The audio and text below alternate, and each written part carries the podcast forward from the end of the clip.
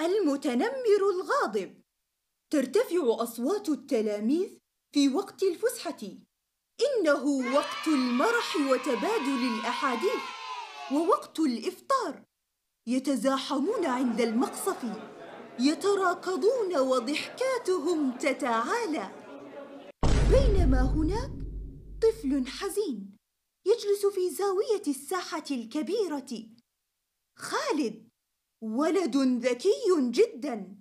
لسانه حين يتحدث أنيق فصيح. عبقري الرياضيات. المتحدث ذو الآفاق الواسعة. يبدو حزين. خالد متألم لما يقال عنه. يقولون أني قصير القامة ويضحكون علي. يقول خالد هؤلاء طلاب جدد. تنمروا علي؟ وسخروا مني.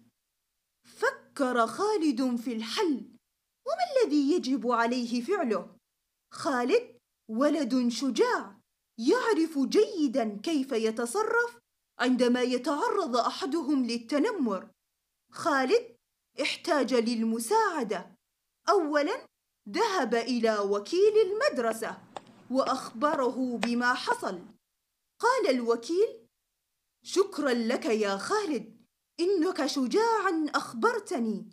أنت قوي يا ولدي. وبعد ذلك رن جرس الفسحة وعاد الطلاب إلى فصولهم فذهب وكيل المدرسة إلى صف خالد وقال نحن هنا أخوة أتينا لنتعلم ونكون أصدقاء. نساعد بعضنا. لا نلمز ولا نتنمر ولا نذكر أصدقاءنا بما يكرهون كي يضحك الجميع عليهم.